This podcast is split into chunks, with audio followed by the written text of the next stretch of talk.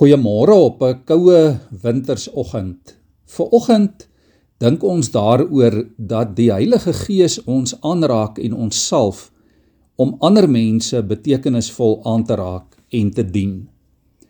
Liewe vriende, miskien is dit 'n baie bekende of 'n algemene gedagte dat gelowiges ander sal dien, dat ons die Here sal dien. Maar dit is net moontlik deur die aanraking van die Heilige Gees.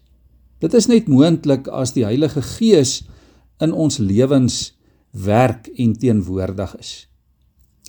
Die Bybel getuig baie duidelik hoe dat die Heilige Gees mans en vrouens se lewens deur die eeue aangeraak en verander het. Op so 'n manier dat hulle oornag verander het van lafhartige, bang, bedeeste mense wat iewers in 'n bokamertjie weggekruip het na dapper vreeslose mense. Ons sien dit dwars deur die Ou en die Nuwe Testament hoe dat mense gevul word met heilige dapperheid om van God te getuig. Handelinge 4 vers 13 sê die Joodse raad was verbaas toe hulle Petrus en Johannes se vrymoedigheid sien want hulle het geweet dit is maar ongeleerde en eenvoudige mense. Hulle het hulle herken as volgelinge van Jesus. En vers 31 sê Petrus en Johannes het gebid en die plek waar hulle bymekaar was het geskit. Hulle is almal met die Heilige Gees vervul en het met vrymoedigheid die woord van God verkondig. Hierdie vrymoedigheid was ook gevaarlik want dit het hulle blootgestel. Hulle lewens, hulle toekoms, hulle belange was alles op die spel.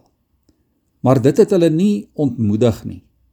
Dit was juis deur hulle vrymoedigheid dat baie mense se lewens aangeraak is en dat mense verander het en die Here leer ken het en dat die kerk gegroei het.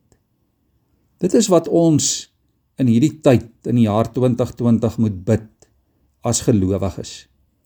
Dit is wat ons vir God moet vra. Meer van die Heilige Gees sodat ons ook groter dinge vir God kan doen. Meer geestelike krag, meer insig sodat God ons kan gebruik.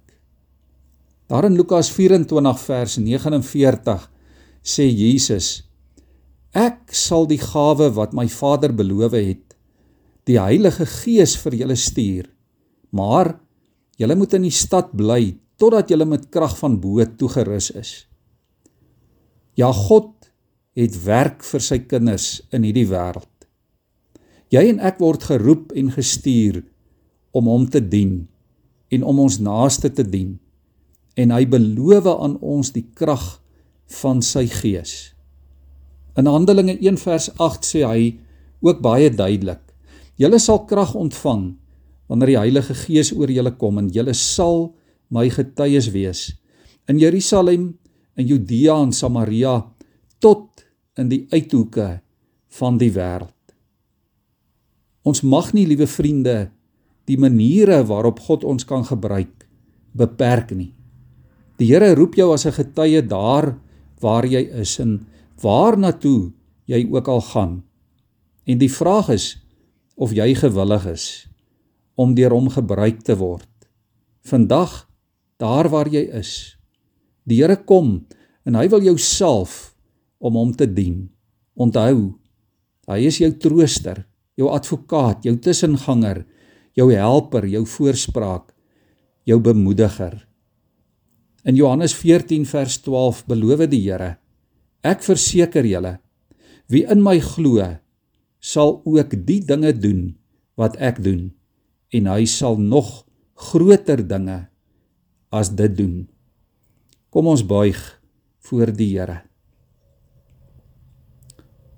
Here, ons wil U dien. Dit is ons belydenis, Here, en ons begeerte vir môre. Dankie dat U feilbare mense na U toe roep. Dankie dat U ons verander om soos Jesus te word.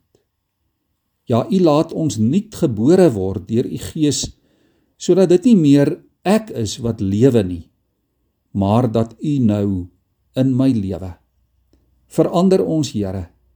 Verander ons deur U Gees om U te dien in hierdie wêreld wat U verlossing nodig het.